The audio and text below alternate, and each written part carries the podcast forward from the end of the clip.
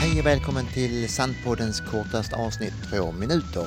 Jag heter Stefan Åberg och arbetar bland annat med förebyggande arbete med tobak och nikotin för Helsingborgs stad.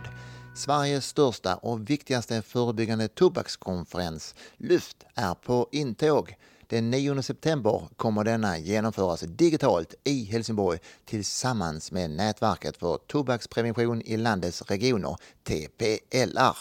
Missa inte denna möjlighet. Anmäl dig på hemsidan luftkonferens.nu eller gå in på verktygsladanhbg.se. Där finns även en länk till anmälan. Och all denna kunskap du kommer få är dessutom gratis.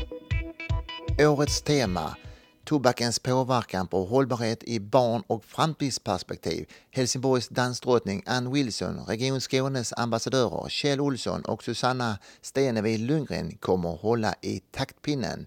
Vad innehåller dagen? Jo, du kommer få internationell, nordisk och nationell inblick, få olika verktyg och kunskap hur du kan arbeta förebyggande framöver insyn i de nya nikotinprodukterna och tobaksindustrins miljöpåverkan. Inte nog med det. Du kommer även få lyssna på när Folkhälsomyndigheten berättar om vilka utredningar och lagförslag som är aktuella.